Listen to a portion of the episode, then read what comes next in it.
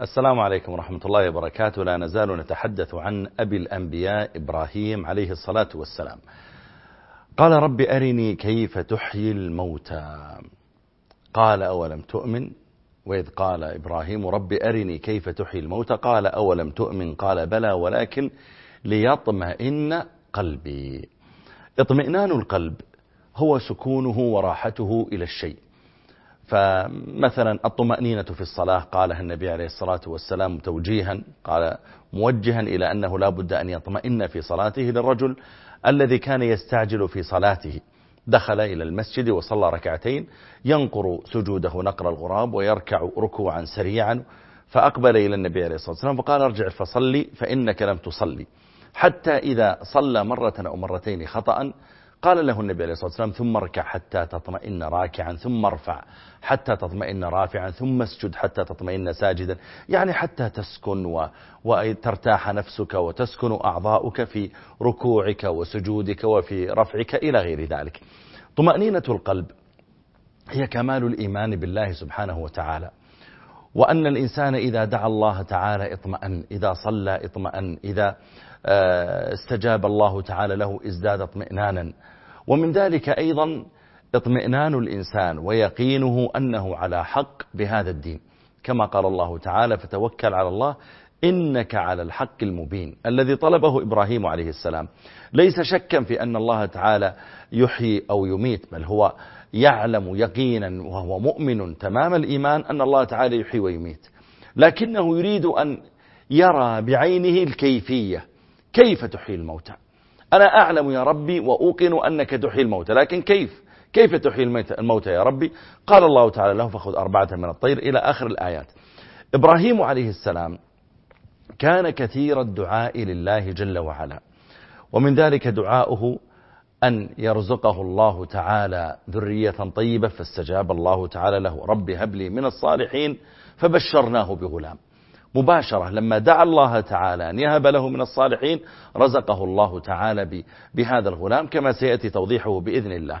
ولما دعا الله تعالى لما وضع أهله في واد غير ذي زرع وضع هاجر وابنه إسماعيل دعا الله تعالى لهما وهو موقن أن الله تعالى سيستجيب له ويحفظهم. من آداب الدعاء هو ما كان يفعله إبراهيم عليه السلام من اطمئنان القلب أثناء الدعاء ليطمئن قلبي. يقول النبي محمد صلى الله عليه وآله وسلم ادعوا الله وأنتم موقنون بالإجابة. وأنتم موقنون أن هذا الدعاء سينفع. سينفع إما أن يستجيب الله لكم في الدنيا فيعطيكم ما تريدون وما طلبتم أو أن يكف الله تعالى عنكم شرا بهذا الدعاء أو أن يدخره الله تعالى لكم في الآخرة فيكون عملا صالحا تؤجرون عليه. المهم أنكم موقنون أن هذا الدعاء سيؤثر سيستجاب. ادعوا الله وأنتم موقنون بالإجابة. واعلموا أن الله لا يستجيب دعاء من قلب غافل لاهي. القلب الغافل اللاهي الذي ربما لا يخشع في دعائه ولا يطمئن إليه ولا يوقن أن الله تعالى سيعطيه ما طلب. إن الله لا يستجيب دعاء من قلب غافل الله ولذلك كان إبراهيم عليه السلام في أثناء دعائه وفي أثناء طلبه من الله. أرني كيف تحيي الموتى كان موقنا أن الله جل وعلا لن يخيب رجاءه فيه وأن الله تعالى سوف يستجيب دعاءه. ولذلك كان عليه الصلاة والسلام في جميع أدعيته. وفي جميع طلباته من رب العالمين يوقن أن هذا الدعاء وهذا الطلب أنه لن يذهب هباء منثورا. كما كان عليه الصلاة والسلام يدعو في معركة بدر ويدعو في معركة أحد ويدعو في غيرها. يدعو وهو موقن مطمئن القلب أن الله تعالى سيستجيب دعاءه. الأمر الثالث أن الإنسان كلما تعرف على صفات الله اطمأن قلبه أكثر. إبراهيم يعلم أن من صفاتك يا رب أنك تحيي الموتى.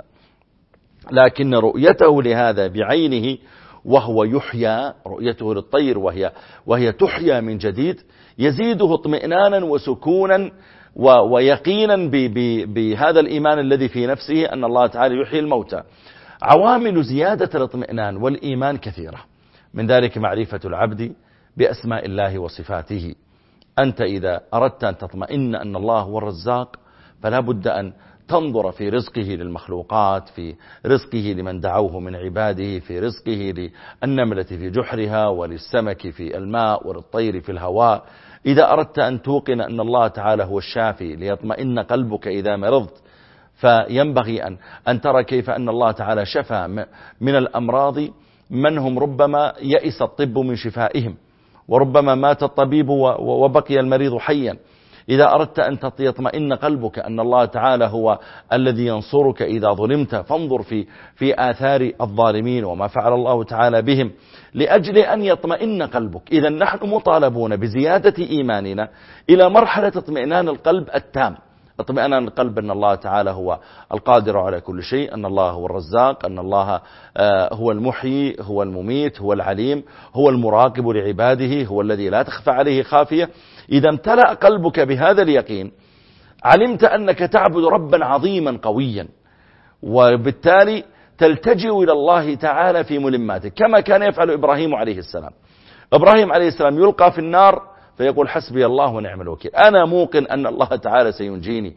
إبراهيم عليه السلام يكبر سنه ولم يرزق بأولاد ربي هب لي من الصالحين. فبشرناه بغلام مباشرة لأنه موقن تماما أنه يتعامل مع رب قوي.